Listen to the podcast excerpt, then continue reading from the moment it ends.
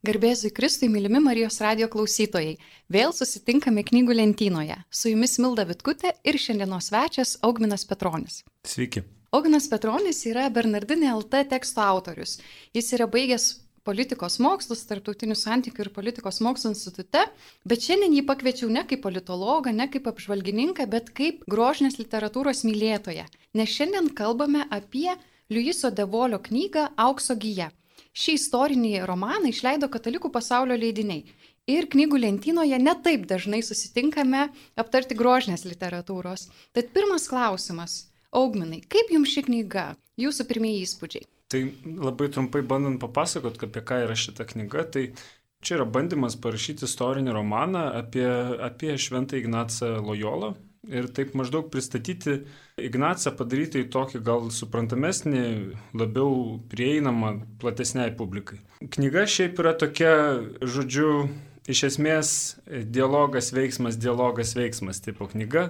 Rašytojas pats prieš pradėdamas rašyti apie knygas apie šventuosius daug rašė visokių tokių, reiškia, trilerių, veiksmo romanų ir, ir, ir ta knyga, toje knygoje jaučiasi, kad tas, tas žanras jam yra patogus, kad jis jį mėgsta kad jis tokiu būdu bando tos skaitytojus pasiekti.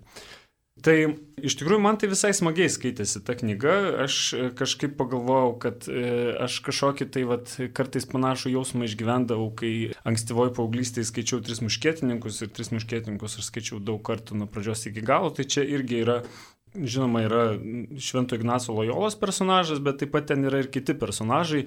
Yra toksai tarsi drasus ir labai talentingas, bet truputį taip emociškai sužeistas karys, su kuriuo taip pat gali vaikinai ir berniukai tapatintis. Yra moteriškas personažas, kurį tas karys išgelbsti, su kuriuo gali moteriškoji auditorijos pusė tapatintis. Tai man atrodo tokį tikslą, kad, kad, kad būtų visai taip prieinama, smagu, bet per daug pastangų, bet ir kad kažkokia būtų žinutė tame ir kažkaip ne, ne, ne tik apie malonumą, bet ir apie tikėjimą, nes man atrodo, kad yra paradoksas tam tikras, kad man atrodo, kad gera literatūra turi teikti malonumą, bet jinai labiausiai teikia malonumą tada, kai taikosi kažką daugiau nei tik malonumas.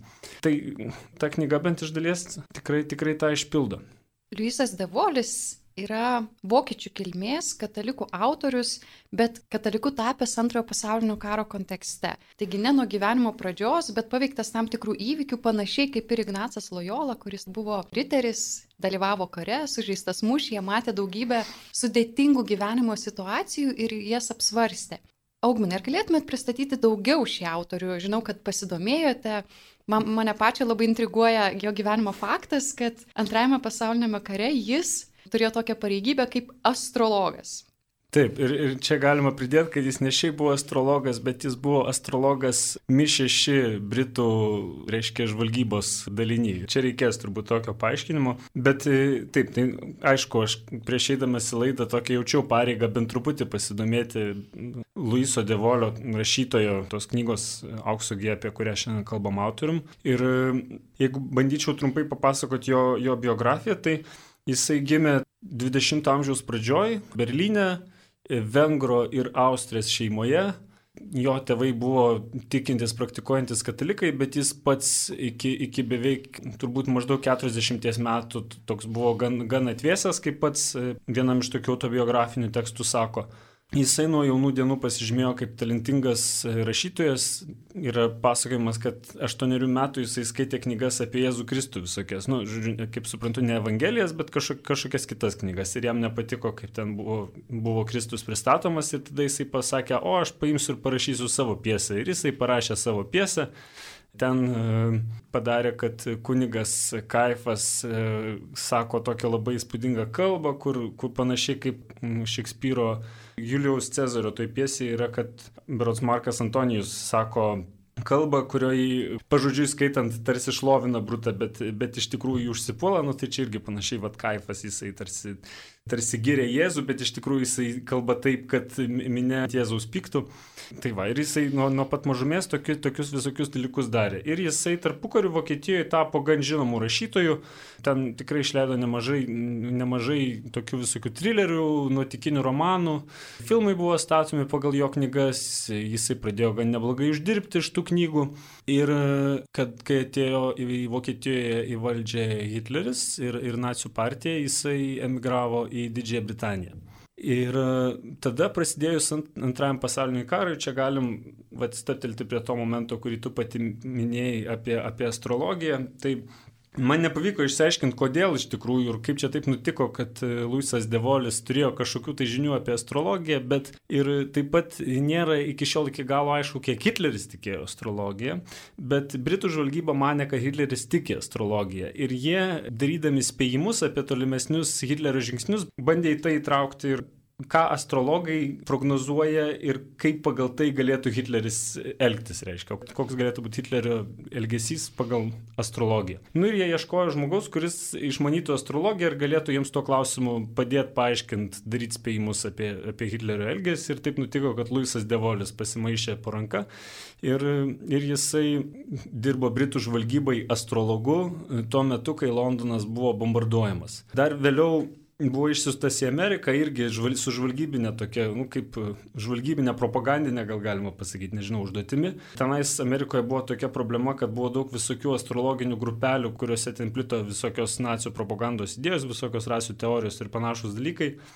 Ir jie galvojo, ką reikia daryti, nu tai reikia susirasti kokį nors žymų ar atseit žymų astrologą, jį atsivežti į Ameriką ir jį siūsti po tas astrologinės grupelės, kad jis ten skaitytų paskaitas ir visiems paaiškintų, koks Hitleris blogas. Nu tai jie surado tą Luisą Devolį, ten Amerikoje tada jisai atvažiavo, ten pradėjo laikraščiai rašyti straipsnius, kad čia į Ameriką atvažiavo antrasis Nostradamusas iš Britanijos, labai talentingas astrologas, jį pradėjo ten kviesti visokias grupelės ir, ir, ir, ir jis jiems skaitydavo paskaitas. Man nepavyko iš tikrųjų rasti, ką jis pats apie tą savo veiklą mano ir kaip tą vertina ir kiek jis pasitikėjo ten, ko, ten tom astrologijom, kurias jis ten jam pasakodavo, bet labiau aš radau, kad jisai sako, kad jam antro pasaulinio karo metai buvo toks persivertimo tikėjime laikas ir ypač per bombardavimus Londone, nes jam reikėdavo būti Londone, kai, kai jį bombarduodavo, tokia ribinė situacija, prieartėjimas prie mirties jį privertė susimastyti kur jisai stovi gyvenime ir kur jisai norėtų stovėti gyvenime. Ir toks jam, jam tai buvo toks postumis į atsivertimą. Ar atsivertimą, ar kažkokį tai, jisai, žodžiu, pradėjo giliau kažkaip praktikuoti tikėjimą ir, ir, ir labiau kažkokią tai skirti didesnę tam reikšmę savo gyvenime. Ir tada jisai pradėjo mąstyti, ką jisai galėtų kaip prašytojas padaryti. Jisai pats taip prašo, kad aš pastebėjau, kad žmonės, dauguma žmonių vis tiek ką nors imituoja gyvenime. Ir antro pasaulinio karo metais Vokietijoje vis daug kas imitavo Hitlerį. Ar kažkaip bandė sekti Hitleriu, tarsi patys būti tokiais kaip mažais Hitleriais. Ir jisai tada sako, o ką reikėtų kaip krikščioniai va sekti imituoti? Nu tai atrodo, kad reikėtų imituoti Kristų. Bet Kristus yra ir žmogus, ir Dievas. Ir jį taip paprastai imti ir sekti yra, yra labai sudėtinga. Ir todėl matyt, gal tai yra viena iš priežasčių, kodėl bažnyčioje mes kalbam apie šventuosius. Nes šventieji, kaip vienas iš dalykų, ką galima pasakyti apie šventuosius, tai yra tai, kad žmonės, kuriems pakankamai neblogai sekėsi imituoti Kristų. Ir, ir jisai sako, ir tada aš pradėjau klausinėti žmonių, ką, ką jie žino, ką jie mano apie šventuosius ir pastebėjau, kad labai daug žmonių nei labai ką žino, nei labai kažkokią turi nuomonę. Ir tada jisai sako, kad aš pažiūrėjau, kokios yra knygos apie šventuosius ir aš pastebėjau, kad nu, daug tokių yra gan nuobodžių arba gan sunkiai paskaitomų arba skirtų žmonėms, kurie jau turi tam tikrą išsilavimą ar tam tikrą pasiruošimą. O jisai jaunystėje sako, aš rašiau tokias knygas, kurios nu, buvo lengvos, buvo skirtos žmonėm, kurie yra pavargę, nu, tais laikais nebuvo telefonų, dabar tai visi ten, nežinau, ar telefonai, ar kompiuteriai sėdi, kai, kai yra pavargę ir nieko nenori veikti. Nu, tais laikais žmonės skaitydavo visokius tokius, mes sakom, pigius romanus ar, ar, ar, ar kažkokius tai lengvai paskaitomas nuotikinės knygas. Ir jisai su tuo tikslu jaunystėje iškepė daug knygų. Ir jisai pats sako, kad jam toks lūžio taškas buvo susitikimas su vienu italų vyskupu, kuris jam pasakė, kad, žinai, Luisai, tavo, tavo darbai bus teisiami ir tavo knygos irgi bus teisiamos, rašyk gerai. Ir tada jis pagalvojo, ką jis galėtų daryti ir jis pagalvojo, hm, aš galėčiau rašyti apie šventuosius platesnei auditorijai. žmonėms, kurie neturi kažkokio tai specifinio pasirašymo, labai specifinio išsilavinimo, kuriems reikia paprastų knygų, kurias, kurios smagiai skaitytųsi, kur būtų įtraukiantis siužetas. Ir, ir tokiu būdu ta žinia galėtų jos pasiekti. Kaip ir pats minėjote, Augminai, iš tikrųjų Liujisas Devolis buvo spalvinga asmenybė, turėjo labai daug skirtingų patirčių, tiek karo patirties, kaip rašytojas, skaitytojo, rašytojo patirties ir tai jaučiasi romane. Nors jis yra lengvai skaitomas, bet jis nėra plokščias, jame labai daug skirtingų kontekstų. Ne tik karinis kontekstas, istorinis kontekstas, jaučiasi ir ką pats minėjote, kad kaip jis antro pasaulinio karo metais pradėjo svarstyti tikėjimo klausimus, taip ir šiame romane veikėjai karo kontekste pradeda kelti klausimus apie teisingumą, kodėl Dievas leidžia blogį. Religinis klausimas iškyla konkrečiame kontekste. Gal galėtumėte trumpai pakomentuoti kelias plotmes, romano plotmes, kokias jūs matote? Sakėte, romanas yra lengvai skaitomas, bet jis nėra pigus romanas. Ko galėtų tikėti skaitytojas? Į mhm. kokius kontekstus galėtų būti nukeltas? Aš galvoju, kaip tai pasakyti per daug neišduodant sužetą. Tai aišku, kad viena yra, kad e, nu, tokiam vat, susidūrimo su, su karu, su kažkokiam ribiniam situacijom, su mirtimi temai, e, Ignacas Lojola yra parankus istorinis personažas. Jo istorija buvo tokia, kad jis pats buvo kilmingos šeimos sunus, labai norėjo būti riteriu, labai norėjo būti kariu, nuveikti kažkokius tai didelius, didelius žygius, E, Mūšė buvo sužeistas į koją, jam reikėjo ilgai gulėti lovoje ir, ir jam į rankas pakliuvo tada religinė literatūra. Jisai perskaitė ir jam kažkaip tai buvo toks link labai drastiško gyvenimo pokyčių pastumėjęs įvykis.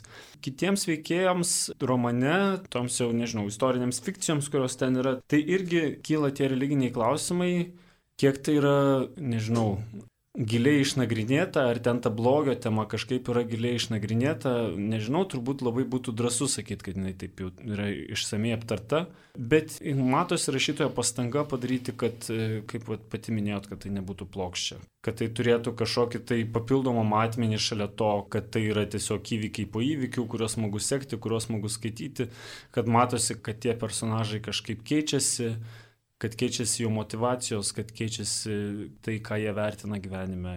Ir tai yra susijęta su, su tikėjimo temu. Galvoju, svarbu aptarti kitą klausimą, tai dabartinį kontekstą mes patys labai jautriai išgyvename karą Ukrainoje ir jis atrodo labai artimas.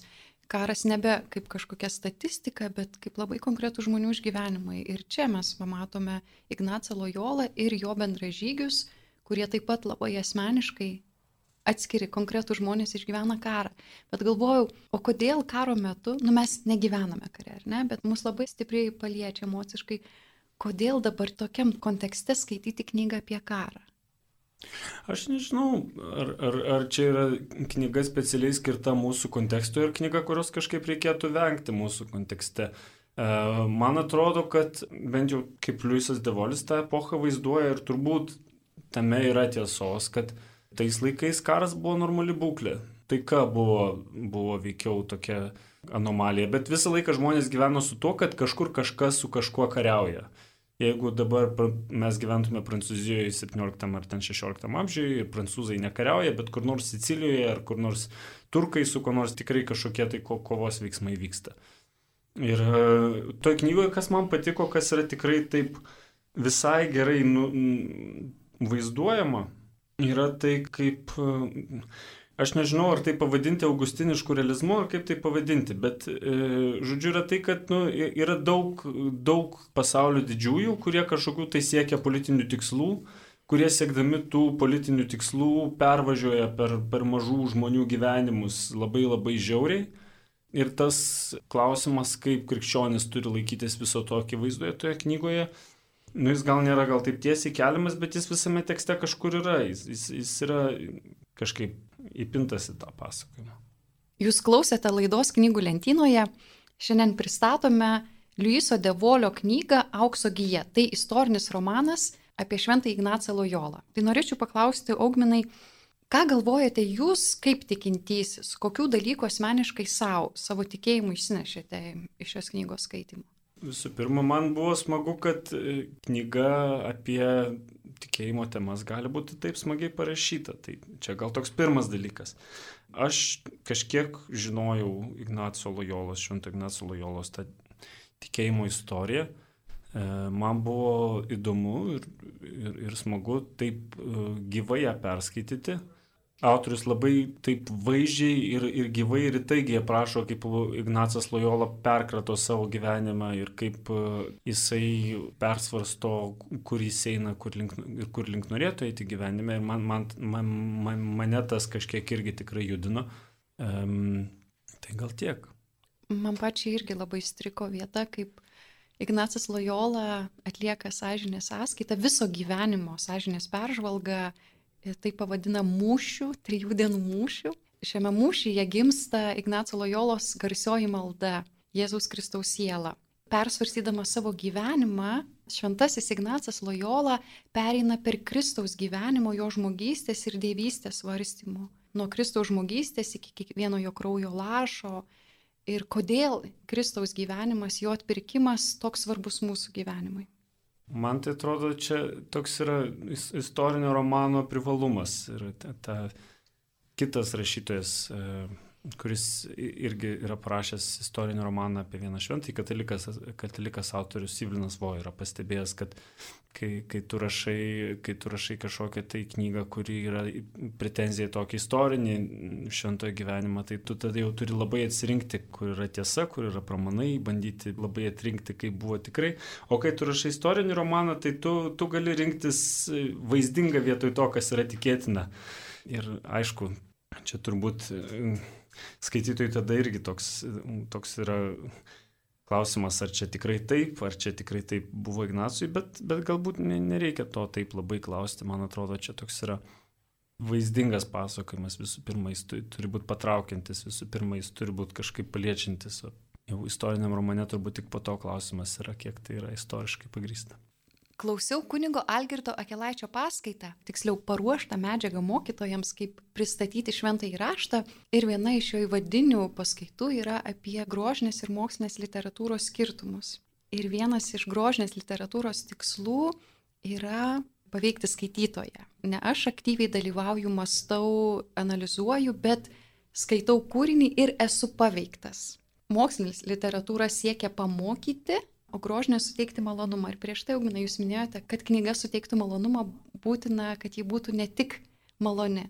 Pastebėjau, kad ši knyga su giliais turiniais suteikia labai daug malonumo, nereikalauja didelių pastangų, tau nereikia įtemptai dirbti, gali atsipalaiduoti ją skaitydamas. Man skaitant visgi kilo dar vienas klausimas.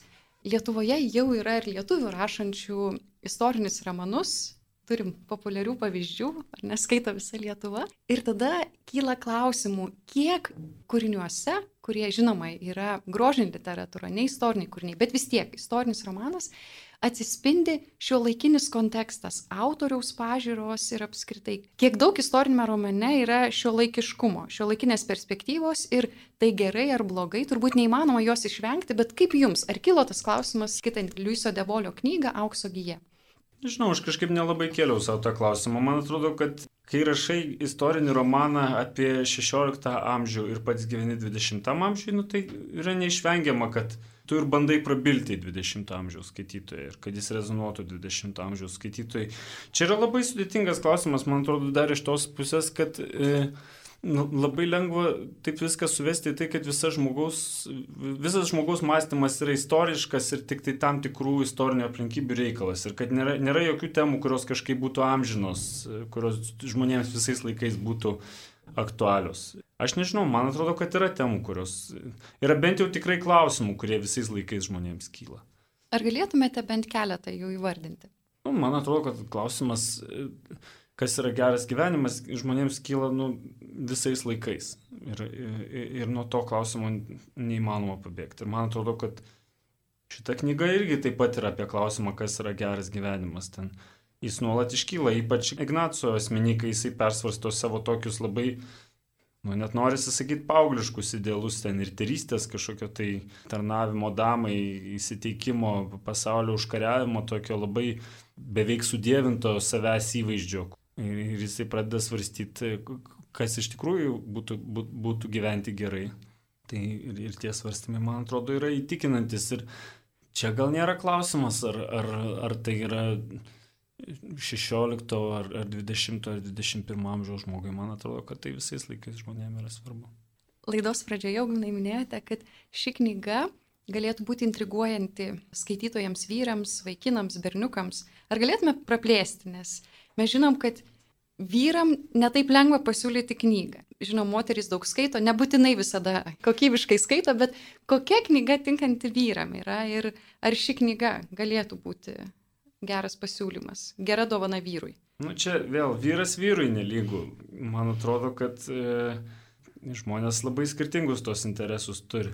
Aš tai taip skaitydamas labiau įsivaizdavau, kad čia toks, nu, vad, kai tau 12 metų ir tu perskaitai tris muškietininkus, tai vad, kita knyga, prie kurios tu galėtum eiti, yra vad, šita. Na, nes aš pats kažkada buvau, buvau, buvau toks berniukas, aš, kur ten tris muškietininkus, žietų valdovus, vis, visą nuotikinę literatūrą, visus indienus, viską, ką tik ten randi, randi skaitai iš eilės. Čia ypač jeigu yra tėtis ar mama, kur, kuris savo vaikui, ar, ar netgi dukrai, nu mergaitės irgi skaito tą pačią nuotikinę literatūrą ir, ir su dideliu malonumu. Tai jeigu savo vaikui nori kažkokią tai vaduoti grožinę knygą, su kuri su kažkokia tai dar būtų, būtų tikėjimo tema, Tai man atrodo, kad čia visai, visai, visai neblogas variantas. Aišku, nu, nėra taip, kad jinai ten kažkaip jau ten visai, visai dėliai sukalta. Ten vietom jaučiasi biški, kad, kad jisai labai daug įvykių bando sutalpinti į labai mažai puslapių, bet iš kitos pusės jisai rašė labai daug romanų. Jisai bandė parašyti kuo daugiau istorinių romanų apie kuo daugiau e, šventųjų. Tai yra jo, lietuviškai nėra išversta, čia yra pirma knyga lietuviškai išversta, bet Luisas Devolis parašė ir ten ir apie Šventą Tomą Akvinėtį, ir apie Šventą Pranciškų, ir apie Šventą Paulių, ir apie Šventą Žaną Dark, ir apie ką tik jis neparašė tų istorinių knygų. Tai jeigu jis būtų rašęs penkių knygų seriją vietoj šitos, tai turbūt kitų nebūtų parašęs, tai gal, gal ir pateisinamas tas jo skubėjimas toks kartais. Kuo man pačiai labai patinka istorinio romano žanras, kad prie šventojo prieinam per jo kontekstą, per jo gyvenimo kontekstą. Mes labai dažnai šventuosius ištraukiame ir pristatome, štai jis turėjo tokias darybės, pastatome prieš mus, žiūrėkime, koks jis puikus žmogus. Bet man atrodo, kad šventasis sublisga, jo gyvenimas sublisga, kai mes pamatome jį jo paties gyvenimo kontekste. Kaip jį matė kiti žmonės, kodėl jis kėlė iššūkį, ne tik pats patyrė iššūkių, bet žvilgsnis į jį, aplinkinių žvilgsnis į šventąjį, šiem žiūrovam, šalia jo esantiems žmonėms kėlė nerimą, bet gerą nerimą, kad, o, šis žmogus gyvena kitaip negu aš, jis nesitaiksto su įprastom taisyklėm, kurios priimtinos, o gal net netaisyklėm, su įprasta gyvenimo vaga. Tai man pačiai šis romanas patiko tuo, kad įveda į, į tuo metinį kontekstą. Mes galim suprasti, kur gimė Ignacas Lojonas, iš kur jis kilo, kodėl jis įkūrė būtent Jėzuitų ordiną, kuris yra pusiau karinis, misionieriškas ordinas. Kaip jūs vertinate Ignaco Lojolos gyvenimo aprašymą, šį kontekstą, kaip jis jums pasirodė? Tai, nu, aš nežinau, tikrai nesu kažkoks ten 16 amžiaus istorijos specialistas, bet e, man jis nepasirodė naivus. E, tas 16 amžiaus e, gyvenimo aprašymas, man atrodo, kad kiek mano bendras išsilavinimas siekia, tai nebuvo labai Europoje ramus laikai, nes čia ir protestantizmas atsiranda ir, ir, ir visi religiniai skirtumai Europos karaliai nuolat tarpusavį kariauja, ten romane taip pat yra momentas, kai Roma apiplėšia, visa Roma yra apiplėšiama ir kažkokio tokio naivaus įsivaizdavimo, kad ten 16 amžius tai buvo tik herojiški riterių laikai, tai nelabai yra. Ir, ir man atrodo, kad jis taip pat duoda tokį aišku supratimą, kodėl tam kontekste kažkoks toks dvasinis posūkis, kurį darė Ignacas Lojola, buvo toks ir sukrečiantis ir patraukiantis, kodėl žmonėms taip labai to norėjosi ir to reikėjo.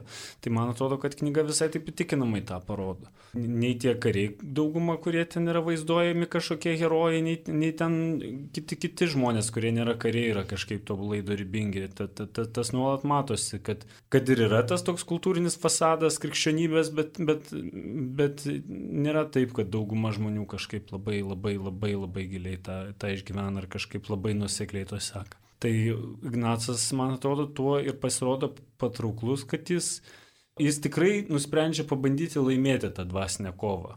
Ir įdėti tiek pastangų, kiek pats gali įdėti ir, ir Čia yra, yra vis laiką tas momentas, kad ir, ir malonės, kažkokio tai Dievo vidimo visą laiką žmogus yra tam reikalingas. Tai man atrodo, kad iš tos pusės knyga tokia visai yra tam tikra prasme realistiška, bet čia visą laiką yra klausimas, kiek, kiek istorinis romanas gali būti tiksliai atitinkantis, kaip ten viskas atrodė, bet gal jis ir neturi būti visai, visai tiksliai atitinkantis. Tai paskutinis komentaras, kaip literatūros mylėtojas porą žodžių apie rašytojo stilių, jo literatūrinę išraišką. Tai jisai nebando čia kažkokio tai padaryti didelio meno kūrinio ir jis pats labai atvirai tą sakė, kad jisai, jisai nusprendė, kad sudėtingų knygų apie šventuosius jau ir taip yra pakankamai, reikia parašyti paprastas knygas dabar, kurias žmonės, kurie kažkokie nėra ten labai, net nežinau kaip tai pavadinti, ten rafinuoti estetai skaitytos. Skaitytų todėl kad, todėl, kad viena iš priežasčių, kodėl žmonės skaitytų tokias knygas, būtų, kad, kad tos knygos yra smagios skaityti.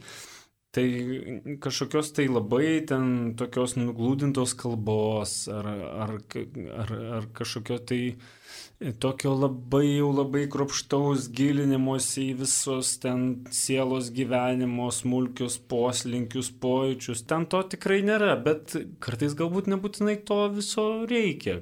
Kartais galbūt kitam skaitytojui reikia, reikia istorijos, kuri būtų gerai sukalta, kuri būtų užkabinanti, kur būtų vingiai, posūkiai, netikėtumai Ir jeigu dar tame yra kažkokia tai žinutė apie, apie tai, kas iš tikrųjų yra svarbu gyvenime, tai, tai puiku.